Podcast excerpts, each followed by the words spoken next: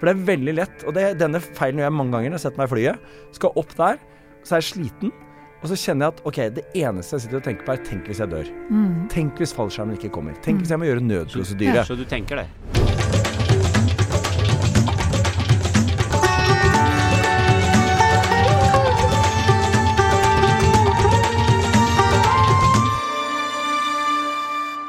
Hei, jeg heter Abid Raja. Og jeg heter Nadia Ansar. Du, Nadia. Vi to kjenner hverandre jo veldig godt. Vi har jo faktisk vært gift i over 20 år. Og det er først nå vi har funnet ut at vi skal lage podkast sammen. Og den skal handle om følelser. Ja, og hvorfor akkurat om det? Lurer du faktisk på det, Abid? Nei, du, egentlig ikke. Jeg, jeg drev egentlig bare og tenkte på hvordan vi skulle lage en sånn fin overgang til de som hører på. Eh, Jeg tror folk har fått med seg at vi er jo litt mer enn gjennomsnitt opptatt av å snakke om følelser. Derfor skal vi invitere forskjellige mennesker som vi er nysgjerrige på, til å komme hit og snakke åpent om følelsene sine. Målet er jo sammen bli flinkere til å både gjenkjenne og håndtere egne og andres følelser. Rett og slett gjøre både Norge og verden til et mer følelsesvennlig sted. Det er litt av et eh, verdensprosjekt, altså. Ja. Skal vi bare sette i gang, eller? Ja, la oss gjøre det. Denne podkasten er laget i samarbeid med Apotek 1.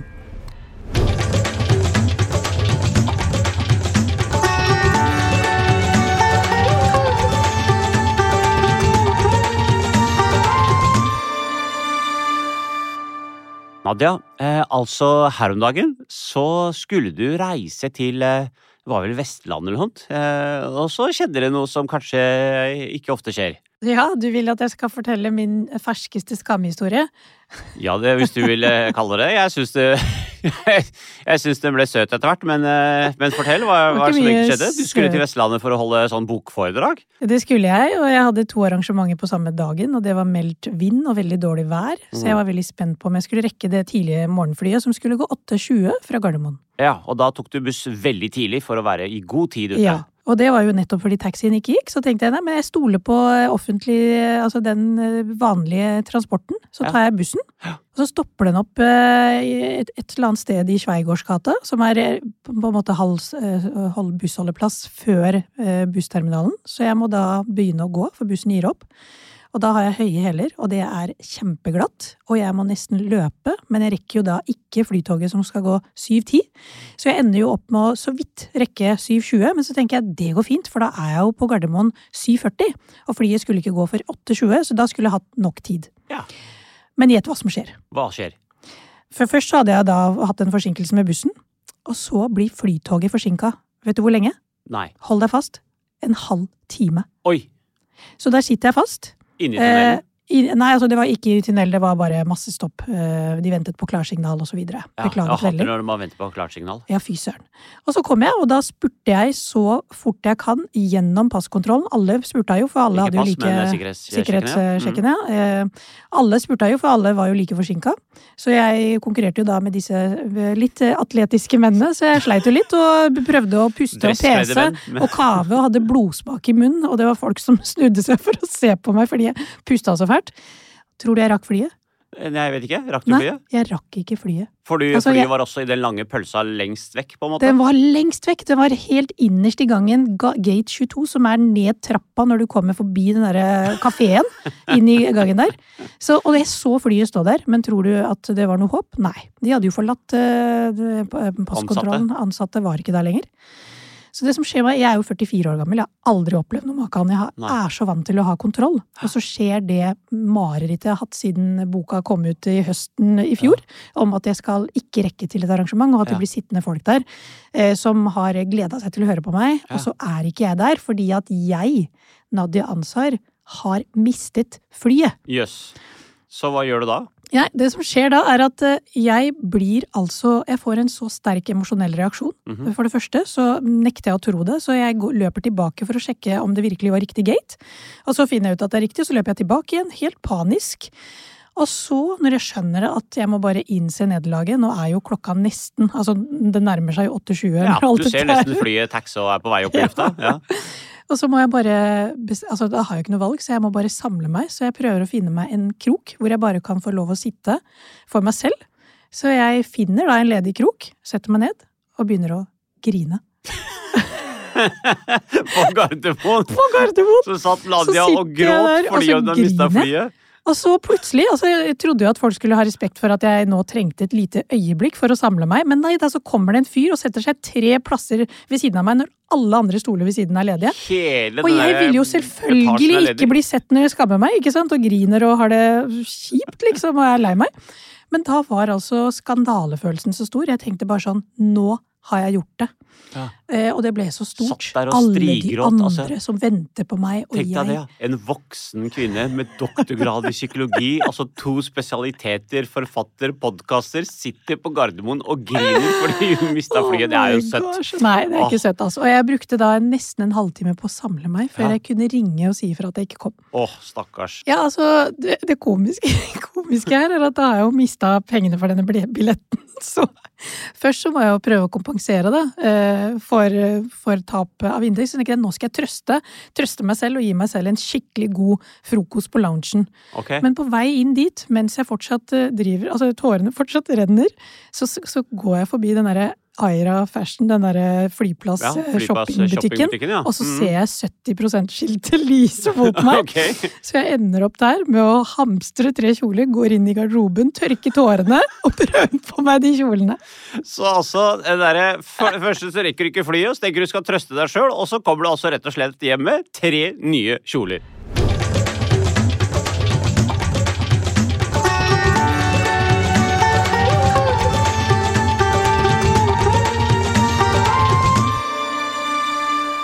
I dag skal vi ha besøk av en skikkelig energibunt av en fyr. Altså, han overgår til og med meg med mangegangeren. Han ble virkelig kjent som eh, dommer i Idol på TV 2, og er manager for annet eh, Kurt Nilsen.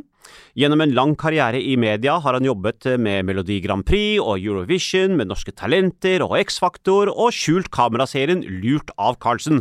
Og da tror jeg nok de fleste har skjønt hvem vi har med å gjøre her i studio. Hjertelig velkommen skal du være, Jan Fredrik Carlsen. Du, tusen takk. Veldig hyggelig å få lov å komme hit. Det som er gøy med å komme hit, er at vanligvis betaler jeg masse penger for å gå til, eh, til sånn samtaleterapi. I dag er det gratis! Det er jo helt rått. Jeg gleder meg skikkelig Det til er det. fantastisk. Det Så jeg håper dette varer lenge. Du, det er godt. Vi skal, vi skal ha deg her eh, lengst mulig. Men, men du er jo en travel fyr. Eh, Ja. Hva skjer i livet akkurat nå?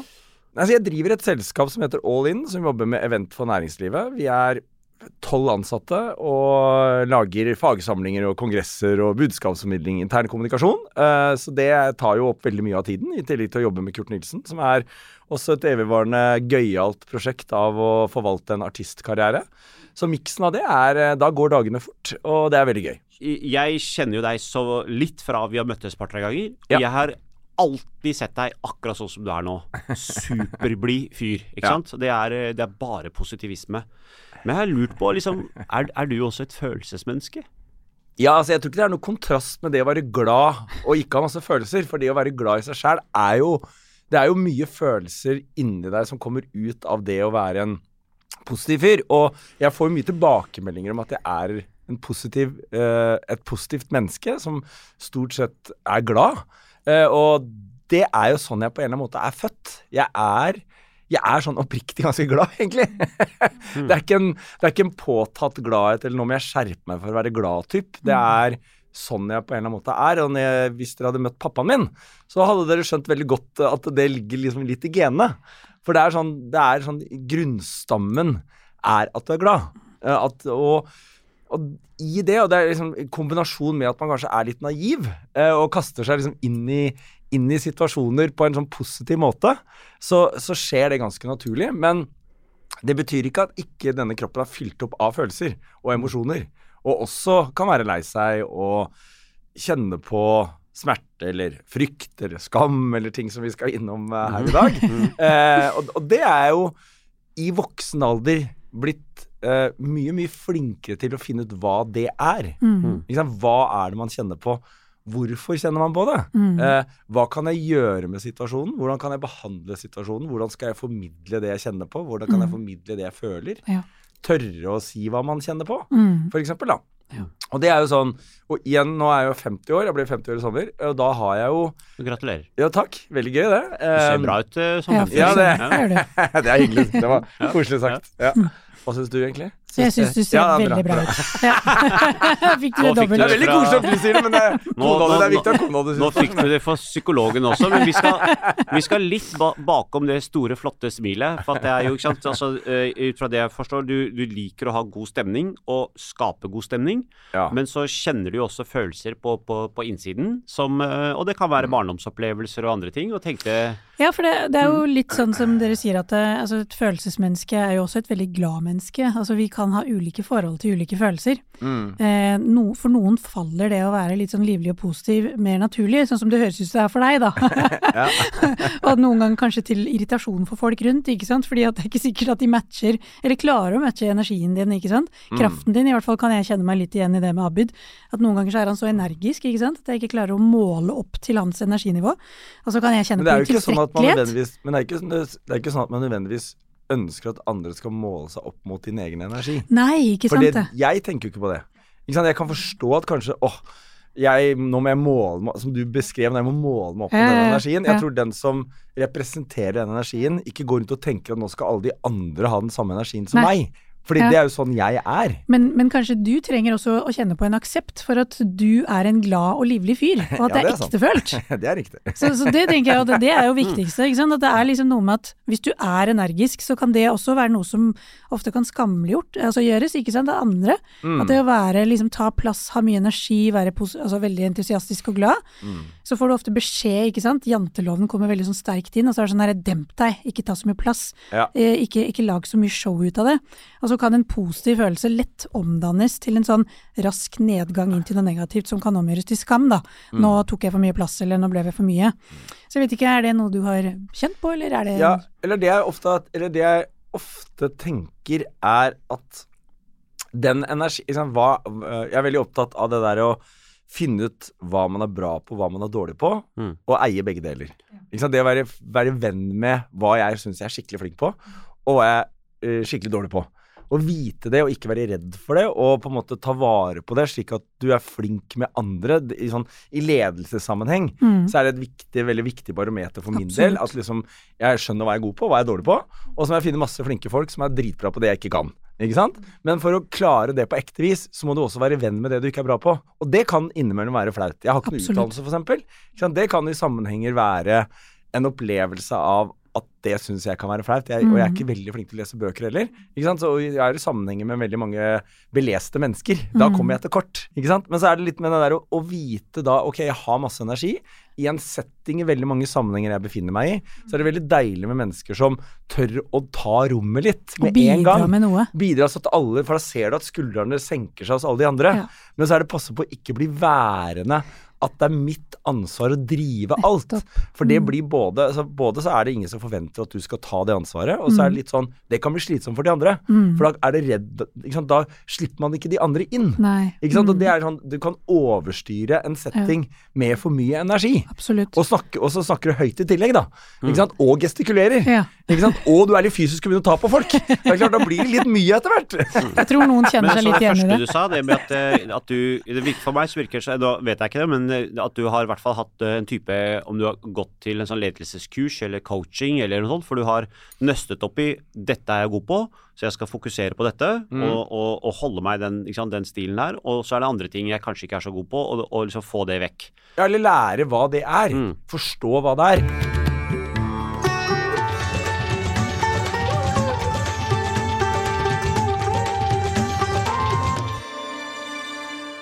Men, men det, altså jeg tenker jo det er jo veldig sånn menneskelig å kjenne på emosjonelt ubehag. Ja. Eh, og det vet du sikkert også, at vi mennesker vi har mange flere ubehagelige følelser enn behagelige følelser.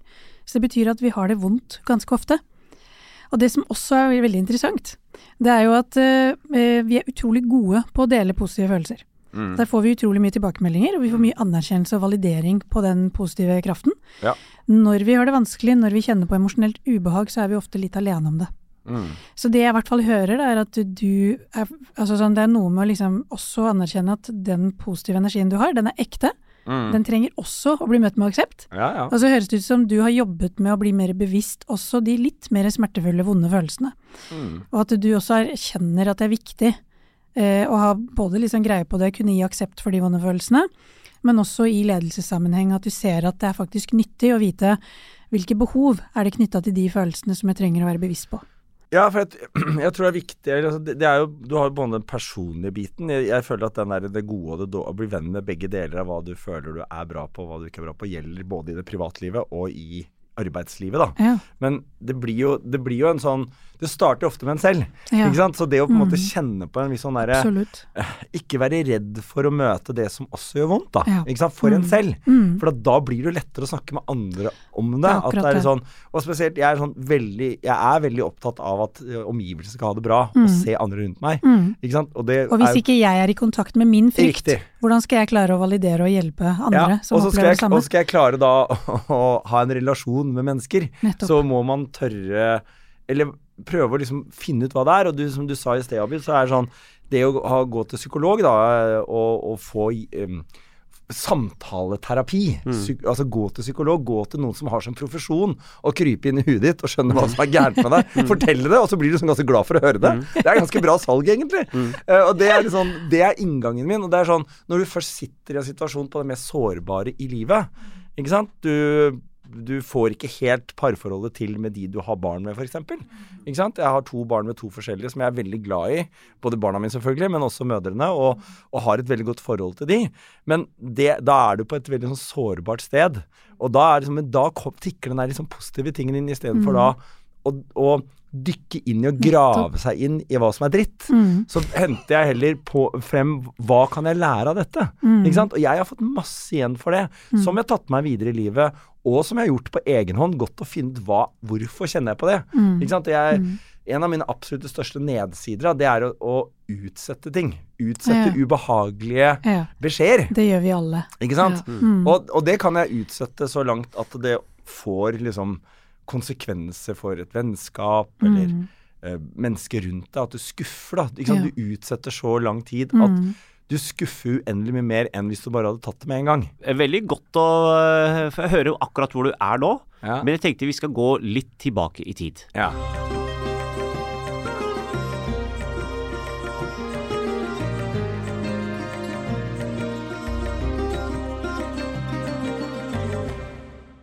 Jeg har lurt litt på når jeg treffer deg, så jeg tenker liksom eh, hvordan, eh, hvordan var han som barn, egentlig? Hvordan var du som barn, Jan Fredrik? Nei, altså Det er jo artig, fordi moren og faren min altså Jeg har jo et veldig godt forhold til mutter'n og fatter'n. De er gamle hippier som var 17 og 19 år når de fikk meg. Yes. Så jeg vokste opp i et hippiehjem, Uh, et veldig sosialt hjem. Uh, veldig mange som var på besøk hele tiden. Jeg tror liksom en periode på hippietiden der hvor det lå en sånn der eim av sånn der, du vet sånn Litt sånn røykeim. Ja, for det var veldig mye glad mennesker. Veldig, var veldig mye glad mennesker. positiv røyksky. Skjønner Ja, ja, altså, jeg følte meg elsket da, som barn. den røyken. Alle var så glad, vet du. De var så glad for det var mamma og pappa var bare de som hadde barn. Så jeg var liksom sammen med de, da. Det, så jeg følte liksom veldig mye sånn tilstedeværelse og det å være elsket som barn, og den trygghetsfølelsen som mamma og pappa har gitt meg i barndommen. Og interessen for musikk som jeg har fått fra pappa og sånn. Så, og mutter'n har jobbet på Blakstad sykehus hele livet. Så Det var ikke helt hippie. Nei, det var ikke helt hippie, men det var jo liksom Blakstad er liksom, det er psykiatri, er det ikke Ja, det er psykiatri. Ja. Det, er, det skal legges ned nå, men det er jo der er Der sitter på en måte Noen av de farligste, blant annet. Ja, der har du liksom alle, hele spekteret Mm. av psykologiske utfordringer Absolutt. sitter på Blakstad, liksom. Mutter'n jobba som aktivitør der hele livet, og jeg jobba der en periode selv. Og det var jo på en måte den følelsen av å bli voksen, når du på en måte sitter og jobber med mennesker som er akkurat som oss, og så er det hendelser i livet som gjør at du fikser ikke virkeligheten. Og det var en Og- nydelig beskrivelse. Og det å være pleiemedhjelper da, da har du Mm. egentlig ingen annen funksjon enn å prate med de. Mm. Du er ikke sykepleier, du er ikke psykolog, Ja, for det er er all type mennesker på lagt. Det er ikke bare de farlige. Det er Nei, nei, du har som- akuttavdeling ja, okay, der, ikke sant sånn. Jeg jobbet på en langtids lukteavdeling, så de, klart, de var ordentlig gærne, på en måte. Mm. Eh, det var uh, hardcore shit. Men Ja. uh, det var en sånn der Da fikk jeg så innmari sånn respekt for ulikheter. Mm. Men du jobber nok ikke der som barn? Nei, det gjorde jeg ikke. Ikke som barn. Ja, vi skal tilbake Ja, ja, skal til til, barn, ja. tilbake, tilbake til barnet. Altså, hvordan var, Du hvordan vet, jeg snakker meg vekk, skjønner du. Hvordan var Jan. Fredrik som barn? Ja. På barneskolen og Og det var det som var poenget mitt, at ikke sant jeg Mamma og pappaene de hører all den energien, alt det, og de ser den når vi er ute liksom, blant folk og sånn, men jeg er egentlig ganske, var ganske rolig. Mm. Ikke sant? Mamma og pappa var sånn De har aldri tenkt at han Jan Fredrik har så innmari mye energi, f.eks. Mm. Ikke sant? Det er sånn, Han er til stede og med og sånn, Mm. men det, er ikke noe sånn, det var ikke noe overvettig energi der. Mm. Eh, Tok og, ikke like mye plass, på en måte? Jo, jeg tok nok sikkert plass, men ikke hjemme, på en måte. Da var det sånn, da satt vi da rolig og hørte på noe musikk og koser oss og sånn. Men ehm, jeg som barn, hvordan skal jeg beskrive meg selv som barn? Jeg tror jeg var veldig sånn ja, glad i folk da òg. Mm. Og var veldig sånn Alle i klassen vi, Jeg spilte band, ikke sant. Vi hadde sånn hadde alltid, Vi øvde hjemme hos oss. Når vi hadde liksom lagd revy på skolen, så hadde vi alltid premierefest hjemme hos mamma og pappa. Så det var liksom Jeg tok ikke med meg alt jeg hadde lært som lite barn av at det er så hyggelig når folk er i huset. Ja. Og det åpna mamma og pappa opp for, så var, var liksom et samlingssted for oss hjemme, da. Å være hos oss. Det høres ut som en veldig gøy eh, mamma og pappa, særlig også når unge, unge foreldre. da, For når du har vokst opp, så har du hatt Ja. eh, ganske energifylte foreldre. Ja, absolutt. Så vet jeg at du likte å spille fotball, ja. og så er det en episode fra den tida som, som, eh, som har egentlig vært er, er det en episode du har husket lenge? eller? Nei, nei, nei. Altså, det var Vi snakket jo da Vi snakket jo på telefonen før dette her, altså, mm. bare for å forberede litt av denne samtalen vi skal ha her. Og så spurte liksom for Frykt og skam. Og frykt og liksom Det jeg alltid har vært redd for hele livet, slåsskamper Jeg har aldri slåss i mitt liv. Sånn fysisk vold, slåing, se mennesker slå Altså slåss, er jeg dritredd for. Ja. Sjukt redd for, liksom. Helt sånn og, og mer enn liksom, jeg, jeg klarer liksom nesten ikke å forholde meg til det engang. Jeg blir skikkelig redd og må ut av situasjonen med en gang. Ikke sant? Det er sånn, og ikke at jeg har vært utsatt for så mange ting, men liksom, jeg har jo noen venner som på en måte er mer som brumlebasser. Ja. Ikke sant? Som på en måte kan eh, provosere litt og spilt hockey og, og er mye tøffere på en måte enn meg. da. Ikke sant? Og det er sånn å oppleve de tingene. Og når vi begynte å snakke om det, så var det en episode når jeg var sånn, jeg tror jeg var 10-11 år gammel, som jeg ikke har tenkt på siden det skjedde. Og den derre og jeg har tenkt masse på det da etter at vi snakka sammen og til i dag, at vi var på sånn fotballcup, på Gruecup, med Slemmestad idrettsforening. Jeg tror vi var sånn 10-11 år gammel. Hele fotballaget, alle sammen dro på der. Vi bodde sånn gymsal-ish eh, innlosjering, ikke sant. Klasserom på madrass. Og, så, og dette var på et sånt ungdomshus, og det var en sånn bar, husker jeg. Og så sov vi der på natta. Da spilte vi fotballkamp, og det var god stemning og alt mulig sånne ting. Og så var den ene pappaen. Han som var med, var noen foreldre som var med og passa på oss. Og han snorka så innmari. Så dagen etter når vi satt og spiste frokost, så sitter jeg liksom, husker jeg, jeg bare ser det helt for meg nå, sitter jeg langs denne baren og spiser frokost. Hele fotballaget er der, og alle oppmenn og trenere og sånn, og denne pappaen. Og så sier jeg noe sånt som For jeg var jo han fyren som prøvde å si det morsomt og prøvde å få folk til å le og sånn. Så sier jeg du, øh, du, du snorker jo som du har en potet i halsen, du. Sier jeg til han. Okay. Mm -hmm. Og så begynner jo alle å le. Og denne mannen, så kommer denne voksne mannen, han var to meter høy, og slo meg rett ned. Jøss. Klinka til med åpen hånd, da. Ja. Det var ikke knyttneve, med Mm. åpen hånd. Med sånn ørefik. Rappa til meg, så jeg falt jo av den stolen. Oi.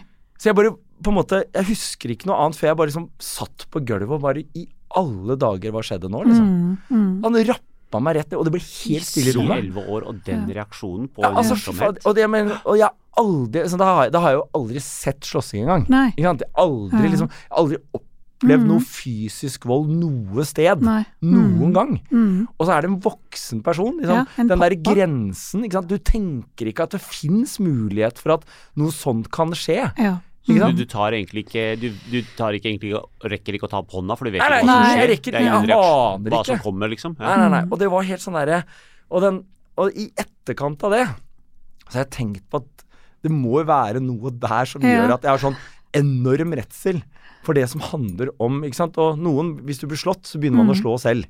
Mm. Ja. Det har ikke funka på meg, kan Nei, jeg si. nei. Det er liksom Bare gjort det enda, Nei, enda mindre mulighet for å bruke skummelt, da. det som et, Ja. som et våpen eller som et Absolutt. skjold eller som Ja. et forsvar. Å være fysisk, da. Mm. Ikke sant? Og det er klart, det var jo helt sånn derre Og det var jo altså det ble jo oppstandelse, og liksom De andre trenerne og sånn ble jo dritsjokkert. Og det var jo samtaler når vi kom hjem og sånn. Ikke at jeg var så mye del i Mm. de samtalene, men uh, mutter'n og fatter'n og sånn. Det var jo møte Han ble kasta ut fra idrettsforeningen og sånn. Ja. Så Stakkar han det pappaen. fikk eh, en del konsekvenser for han. Ja, det gjorde det. Men det kunne ikke reparere det som på en måte allerede hadde skjedd på innsiden din. ja, det får du ikke reparert, på en måte. Det Fordi må du bare den bearbeide. frykten for uh, altså Apropos det der med ønske om god stemning, eller å kan også henge sammen med at jeg er ikke så veldig glad i når det blir konflikt. ikke sant? Nei. Når noen er litt sånn store og sterke, så kan det vekke en eller annen sånn frykt. Selv om den ikke nødvendigvis er reell, så Mm. er det sånn det er. på en måte. Du er nok antagelig mer sånn fryktdrevet, går det an å si. sant? Dypt der nede. Ja, hva mener du med det, egentlig? Jeg mener Han at var liksom drevet av frykt. Ja, ikke sant. Det er jo ikke så veldig eh, lett å skjønne, da, men eh, jeg kan prøve å forklare. Ja. Så noen mennesker, da. Du må hvis- forklare det ganske tydelig, for jeg er ikke så smart. Ja, ja, men, men Der kom skammen. ja, ja, ja. Det er skam, bra. skammen over Ja, ja, jeg tenkte jeg ville gi den til deg, for da kan du dra både frykt og skam. Er det ikke det denne podkasten heter? Jo, jeg, ja, det gjør for så vidt det. skam. Skyld og skam. Skyld og Det er skam, egentlig frykt og skam. frykt og skam. Jo, jo, men du har, du har rett, fordi skylden er jo drevet av frykt. Men altså, det, det er jo litt sånn at hvis du f.eks. har med deg akkurat den episoden, da. Den kan tolkes veldig forskjellig av ulike barn. Mm. Vi er født med en personlighet. Vi har et medfødt temperament og en egen personlighet fra vi er født. Noen kunne kanskje blitt veldig eh, bevisst på at de mista ansiktet og ble avslørt av alle, alle, alle andre rundt, så at de dummet seg ut. Mm. Sant? og skammen hadde tatt på en måte det, eller vært det eh, eh, vanskeligste loddet, da, og det som du tar ut av den historien. Mm. For deg så sitter du igjen med en eller annen opplevelse av at fy fader, ass, voksne mennesker eller mennesker kan være så skumle, Mm. eh, og jeg må beskytte meg eller passe meg for at ikke det skjer igjen. Jeg og Abid er også forskjellige. Han er skrudd sammen med mye fryktdriv nederst, mens jeg er veldig skamorientert, veldig sånn kort fortalt, da. Ja. Så for meg så blir jo jeg veldig opptatt av den pappaen òg, ikke sant? Mm. Som sikkert mister ansiktet sitt, og det var og det, og det absolutt er det jeg har tenkt masse på. For husker jeg, når jeg gikk tilbake og begynte å tenke hva er det jeg tenkte, husker jeg bare Jeg kan jo forstå hva som skjedde for han. Han må ha kjent på en, en enorm Altså, han- skam. For jeg dreit jo han ut, egentlig. Ja, jeg han, og han Jeg- taklet ikke sin skam, åpenbart, Nei. så han eh, gikk til angrep på deg. Ja. Men hvis han hadde hatt litt eh, godt forhold til sin skam, Ja. så hadde han klart å regulere seg selv istedenfor å attacke deg eller angripe deg, ikke sant? Ja.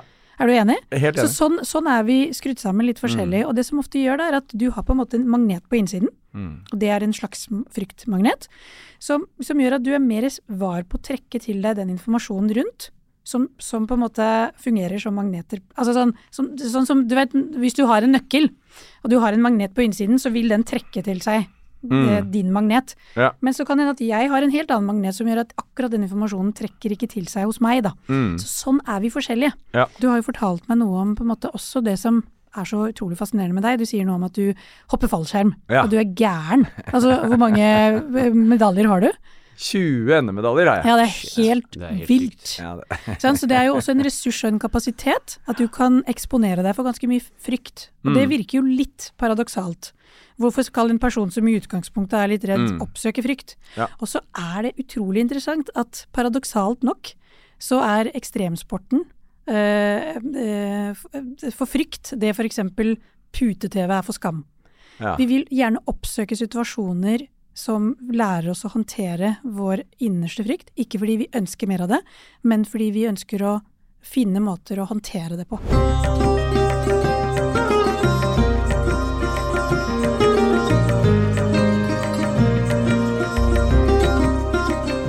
Du Nadia, vi har jo en sponsor i podkasten. Og ikke en hvilken som helst sponsor. Vi har nemlig fått med oss Apotek 1 på laget. Og det er vi skikkelig stolte av. Det er jo en eh, helt perfekt samarbeidspartner for oss. Ja, de er opptatt av veldig mange av de samme tingene som oss, som for eksempel åpenhet og det å ufarliggjøre det som er flaut eller tabubelagt. Kort og godt å vise omsorg. Og at fysisk og psykisk helse, det henger jo sammen. Nettopp, og det er jo akkurat det vi jobber for i i denne podkasten også. Det er godt for helsa å snakke åpent om følelser. Og nettopp derfor er denne podkasten laget i samarbeid med Apotek 1.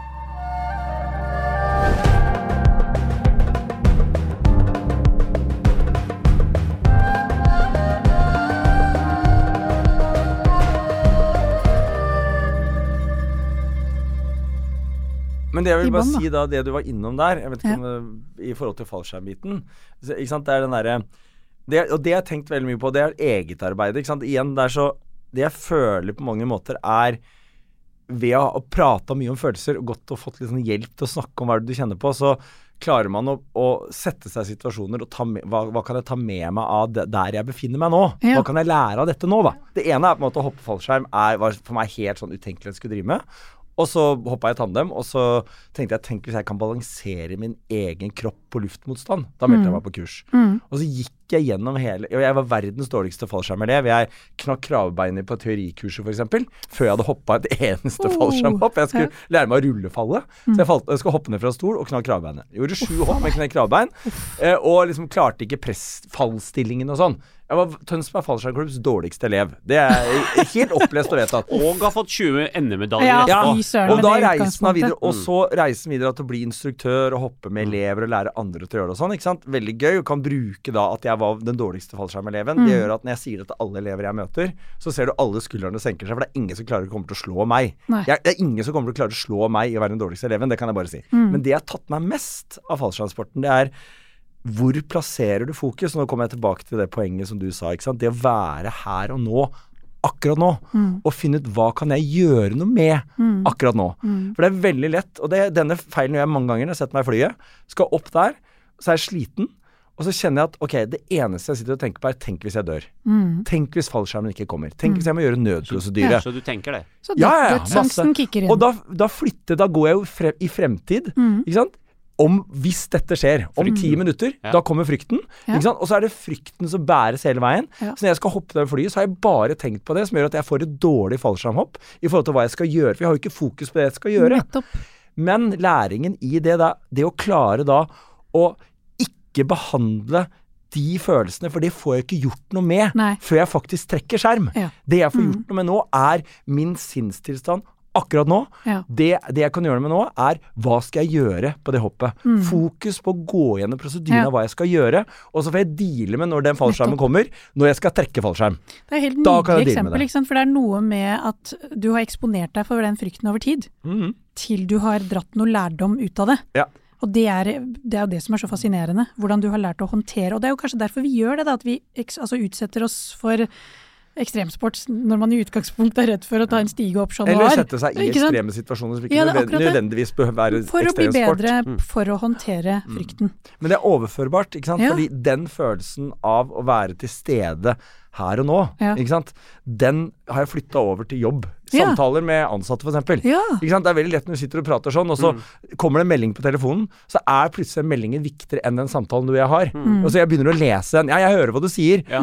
Den avvisningen der, den er jeg blitt mye flinkere til å ikke Ja. gjøre. Sitte og være til stede her akkurat nå. Med barna, f.eks. Ja. Ikke sant? Jeg må bare ta den telefonen. Bare gjør det. Ja. Trenger ikke å gjøre det da. Nei. Jeg kan vente to timer.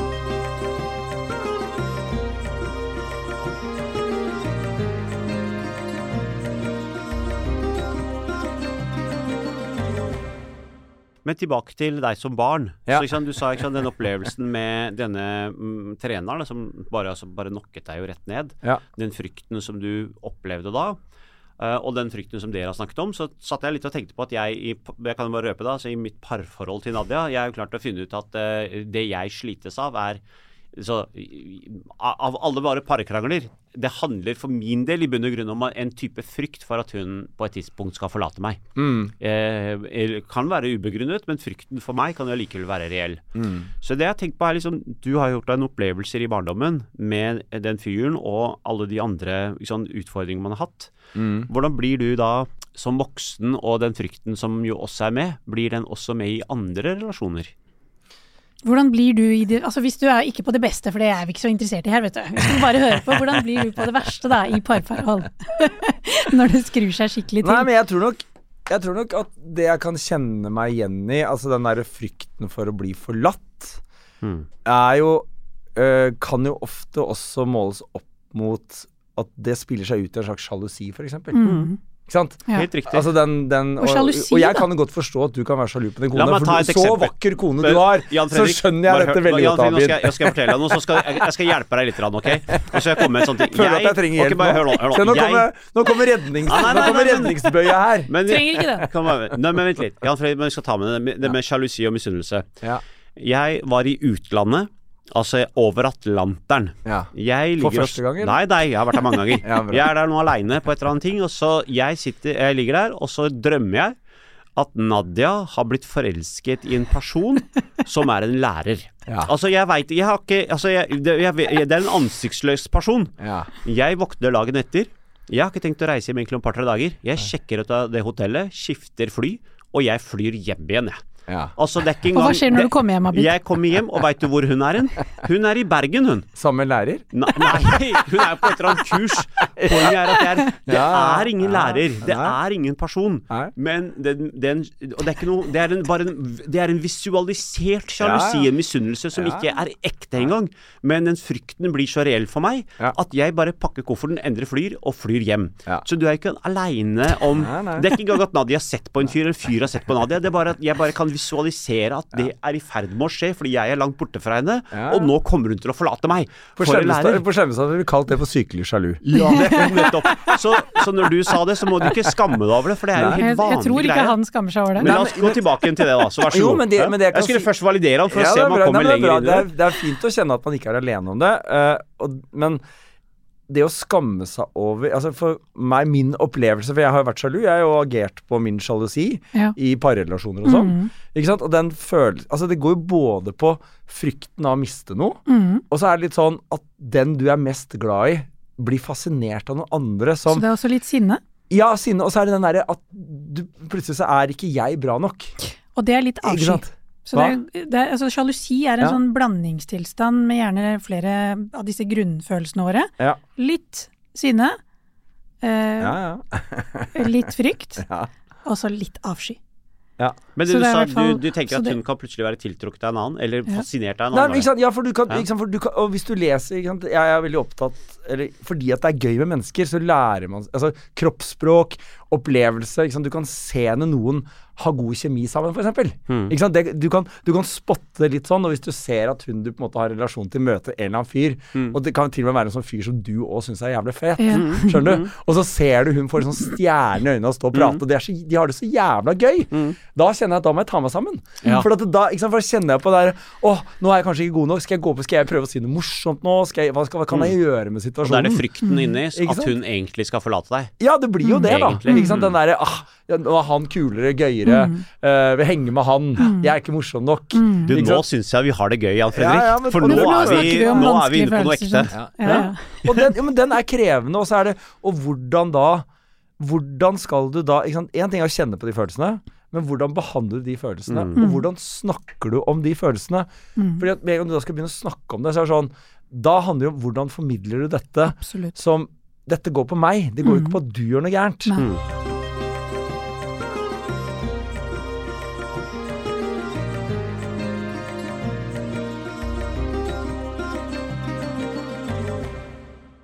Jeg syns du er inne på en veldig viktig kjerne. og Det, det ene er å på en måte bli bevisst at dette skjer med meg. Og det andre er hvordan er det jeg formidler og snakker om det med min partner. Og en av grunnene til at jeg ville komme med alle disse følelsene, den følelsen sjalusi er satt sammen av, det er jo nettopp fordi at veldig ofte hvis vi ikke er i kontakt med den frykten eller det sinnet eller den avskyen som kanskje vekker sjalusien, eller som altså viser seg i sjalusi, da, så vil følelsen eie oss mer enn vi eier følelsen. Og det som ofte kan skje da, er at er vi trigget på noen av de følelsene, så blir vi ganske foraktfulle Og og ganske stygge. Man går seg- man går seg vill. Ja. Og det er jo også igjen tilbake til dette med hvordan frykten gjør at du forlater til stede, altså eh, her og nå, eh, og forsvinner litt i framtiden. At man skaper seg noen scener i hodet hvor man ser for seg hvordan partner Nå må man ta litt pause. hvordan, hvordan, hvordan partner på en måte blir sammen eller tiltrukket av en annen. Mm. Og så er det sånn at det er nesten så de grubleriene de på en måte altså, de, de går litt sånn ut av kontroll, da. Ja, Og da, da tror man plutselig på de, Ja. som om de var sanne. Det er helt riktig. Gir det mening? Ja, ja, 100 Og hvis det er jo du ikke som er er, bevisste, hva skjer da i møte med partneren din da? Nei, for da har du jo lagd det som er sannhet. Ja! Så du begynner å agere ut fra at det er en sannhet. Nettopp. Ikke sant? Og, da, og det skjønner jo ikke partneren en dritt av. Ikke sant? Og, da, og det er, da kommer vi til den hvordan tar jeg dette opp? For, Ja. at, ikke sant? for det, du går og bærer på en slags skam over å ha disse følelsene. Du vet at dette ikke er sant, Mm. men hvordan kan jeg fortelle at jeg tenker på dette uten at du føler at du blir angrepet òg? Og- du har jo ikke gjort noe feil. For at, Og uten at den nye kjæresten skal begynne å tenke at du er en taper. ja, Fordi helt at, altså, riktig. det Tenk å gå Ja, og si til dama si at fy Ja, ja. faen, vet du hva, egentlig, jeg, jeg, jeg takler det litt dårlig. Ja. At andre og du Ja. har det gøy, for jeg Altså, tenker jeg at da er jeg mindre verdt. Ja. Og, og da plutselig så jeg, Egentlig så trenger jeg deg, skjønner du. Ja, Jeg trenger at du har 100 fokus på meg, for jeg er så needy. Jeg er jo der, vet du, for jeg er jo, jeg Men altså, er jeg jo tror deg. dere er litt sånn altså, På ja. dette punktet er dere i hvert fall veldig like hverandre. Og det, Det er litt sånn som du sier, at jeg skammer sånn. meg litt over at jeg blir redd. Redd. Ja. Og hvordan skal jeg da snakke med partneren min om det? På, på den ene siden så trenger jeg faktisk en slags avkreftelse, fordi jeg er reelt redd. Ja. På den annen side så vet jeg på en eller annen måte at dette er litt irrasjonelt, og høyst Ja, sannsynlig så Det er stemmer det flaut ikke. òg. Så da er det flaut, ikke sant? At man kan bli redd når man egentlig burde være rasjonell nok til å roe ned fryktsystemet sitt, Ja. eh, og betrygge seg om at det går bra. Mm. Og så er det jo litt sånn at Jeg vil jo inn på det, og det, du må jo gjerne bare kjenne etter om du syns det er ok, men jeg blir jo litt sånn nysgjerrig på, fordi hvis man i utgangspunktet er litt redd for å bli forlatt, da, Ja. og så har du kanskje med deg noen erfaringer som dessverre da, skjer i nåtid, og som Mm. forsterker den gamle frykten, Ja. det blir en dårlig cocktail på innsiden, altså. Ja, ja. Gir det mening? For da er det liksom noe med at de nye hendelsene, de bekrefter på en måte din verste frykt, da. Mm. At ok, jeg var jo redd for det, og så skjedde det. Mm. Og det, da går man jo litt vill, ikke sant? Da blir man jo enda reddere neste gang. Eh, og for hver gang man ikke tar det opp, så blir det noe som blir med i et nytt parforhold. Ikke sant? At selv om man er helt trygg, og partneren bekrefter deg og syns du er helt fantastisk, Ja. så er det utrolig vanskelig å stole på at det kan være sant. Mm. Og det er jo Det er jo forbundet med opplevelser i livet, ikke sant. Mm. At man har opplevd Og for meg så var det sånn Det var hvordan skal jeg si det, da, uten å liksom dette skal i hvert fall ikke si noe navn. Men Nei, eh, på men ungdomsskolen din- Min ja. første forelskelse på ungdomsskolen. Ja. Eh, det gikk jo 7. klasse. Mm. Ja, da var det jo 7., 8. og 9. 9. var liksom ja, øverste, ikke sant. Ja. Eh, 7. klasse, dritfor... Altså min absolutt første ungdomsforelskelse. Mm. Åh, hun var altså så skjønn. Mm. Og så, altså, jeg var helt hodestups forelska. Og jeg kan bli hodestups forelska, også i voksen alder. Det kan jeg si. Ja. Den, eh, den har ikke noe aldersgrense Nei. i mitt liv. Den, eh, den lever godt, kan jeg si. Men dødsforelska Vi var invitert på fest, og der var selvfølgelig de kuleste gutta 9. klasse skulle være der. Og så kom jeg litt sent på den festen. Og når jeg kom inn da, så sitter hun som er kjæresten min som jeg er forelska i, og kliner med den kuleste karen i 9. klasse. Mm. Og den, altså den sinnssyke nedturen det var. Mm. Og liksom spontant begynner å grine, går ut fra festen, går hjem. Og hvor går jeg hjem? Rett til mammaen min. Ja. Jeg, jeg ligger i faen med mamma, veit du, klina kul! Og gutten Ja. niende. Mm. Og jeg går i sju. det det blir jo sånn type- vanskelig læ Det er jo en læringshistorie, Ja, sant, ja. som blir så Men den er helt reell. Det ene er jo avvisningen, men det er også litt den der følelsen av at hvis jeg skal øh, klare å vinne den peneste jenta, Ja. så må jeg være veldig kul og morsom. Ja, Jeg må være underholdende, jeg må Ja. være den beste. Ja. som, som kan også være Og med det på å er jeg jo, da. forklare Nei, det. Jeg bare tuller, jeg bare tuller.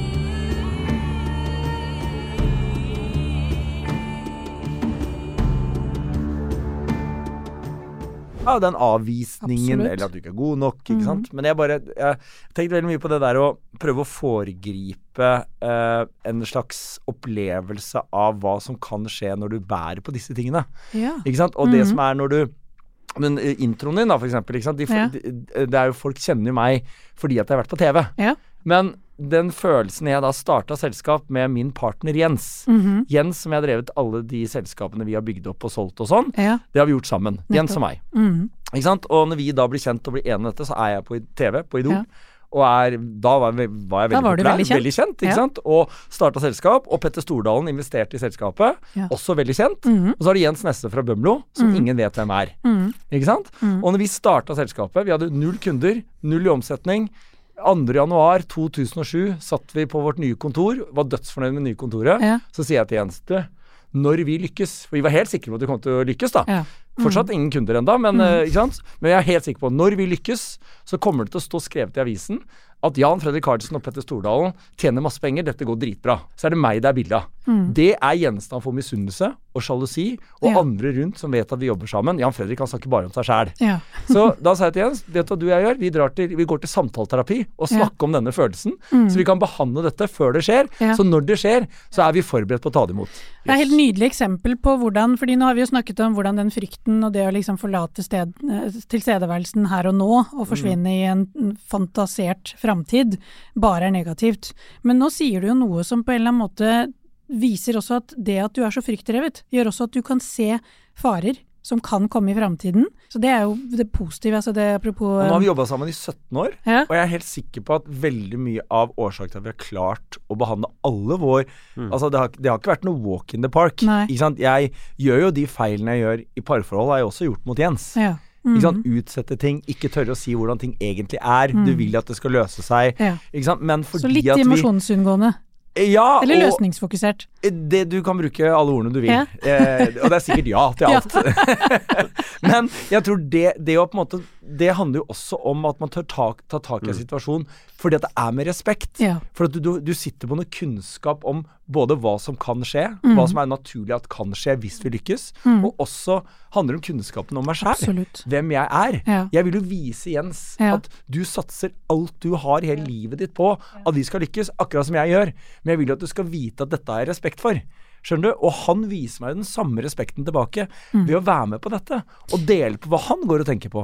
Det du sa da, ikke sant? for det er jo veldig sånn at eh, du tok egentlig problemet litt på forkant. For du tenkte at ok, du er kjent eh, som Jan Fredrik, så de kommer til å skrive om deg, og han Jens kommer ingen til å legge merke til. Selv om du nevner det 100 ganger. Og jeg husker jo når, faktisk når vi kom med vår podkast, eh, alle medier skrev jo om det.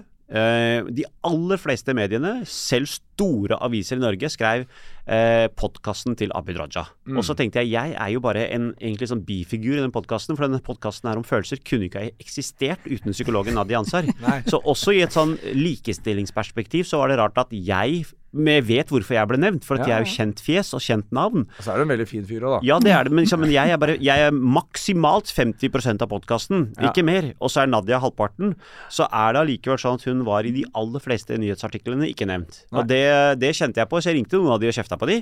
Noen av de rakk å rekte på det, og andre rakk ikke å rette på det.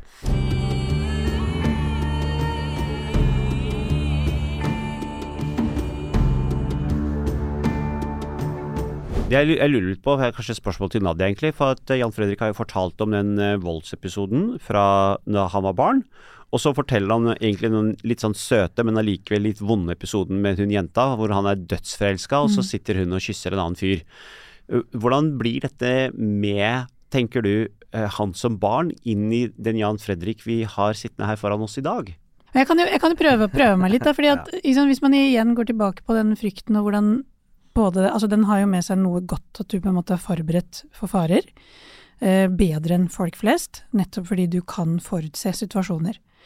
Og så kan baksiden av det, da, det være at noen ganger så er man frykten, da, den spiller oss et puss. Så hvis jeg har en del inni meg som er overbevist om at jeg kommer til å bli forlatt, så dessverre så har det en tendens til å også bli sant. Ja. For det som ofte skjer da, er at vi tenker ikke over det, hvor mye av plass den frykten tar på innsiden, og så oppfører vi oss på måter, ikke fordi vi vil bli forlatt, men fordi vi er så redd for å bli forlatt, så oppfører vi oss på måter som gjør at det, i større, altså det er større sannsynlighet for at det faktisk skjer, da. Mm. Så for eksempel hvis jeg, da, jeg er jo skamdrevet som du vet, hvis jeg er overbevist om at jeg kommer til å dumme meg ut foran alle, og den følelsen tar for mye, den prestasjonsangsten tar for mye plass på innsiden, så vil jeg jo stokke med ordene og oppføre meg. det kommer til å skje, liksom. Det kommer til å skje. Mm. Ikke fordi jeg vil det, men fordi at frykten tar overhånd. Mm. Sånn er det også litt med den type frykt hvis man er redd for å bli forlatt. At hvis man er overbevist om det, så vil man f.eks. kanskje noen ganger legge opp til en krangel, eh, bare for å få det unnagjort. Fordi det er noe utrygt med det å ikke vite. Mm. Så når det blir uforutsigbart, så er det bare kjempeskummelt. Så det er nesten bedre å bare bli ferdig med det. Hun har jo tenkt å forlate meg likevel, så bare, bare, bare gjør det nå. Mm. Og så er det jo ikke det man vil, Nei. ikke sant? Mm. Kan du kjenne deg igjen i det? Ja, ja. For du, du, la, du, du spiller jo opp noe som du frykter, og så når da det skjer, så sier du til deg selv Var det jeg sa? tilbake- Ja, det var det, var det jeg visste kom til å skje. Nettopp. Og da fikk jeg rett. Og så er det sånn kortvarig seier Ja. av å kjenne Ja, men jeg fikk jo rett. Dette Ja. visste jeg jo. Og så kjenner du litt sånn Du vet den der følelsen av å ha rett. Det, Ja. Jeg vet ikke om du kjenner igjen det, Abid, men jeg kan jo kjenne at jeg liker å ha litt rett òg. Skjønner du? Det er en slags seier i å vite at jeg Jo, hadde jo, jo, men hvis vi skulle liksom bare gå litt inn i det igjen, da, for det er noe med at du liker å ha rett på en måte, og samtidig så oppfører du deg da på måter som på en måte gjør at du får rett. Ja. Sånn at frykten lurer deg. Ja. Hvis du er overbevist om at dette kommer til å skje, og det skjer, Mm. så er det jo litt fordi at du oppfører deg på måter som gjør at Ja, det blir som selvoppfyllende profeti. Du har laget en virkelighet for deg selv. For det er jo sånn vi mennesker lurer oss selv, da.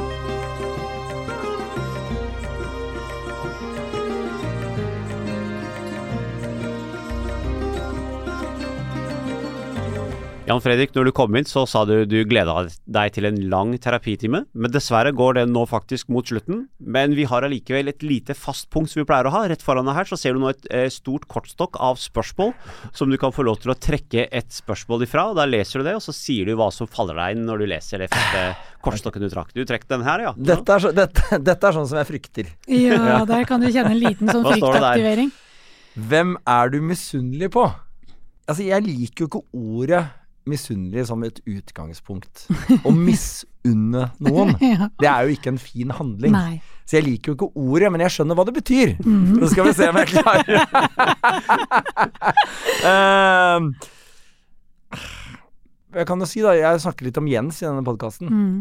Jeg kan jo være litt misunnelig på Jens sin evne til å ha sto i skro i enhver situasjon. Mm.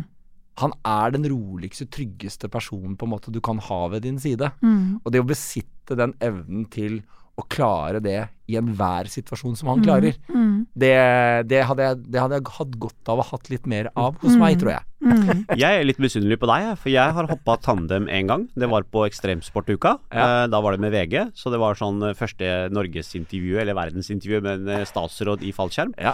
Eh, Det så jeg på. Det, det var fra helikopter, Ja. men jeg skulle gjerne ha gjort de tingene som du har gjort fra høyde. Det kommer aldri til å skje, men utrolig godt å være her på høyden med deg her. Tusen takk for at du kom. Tusen hjertelig takk, Jan Fredrik. Tusen takk for at jeg fikk komme.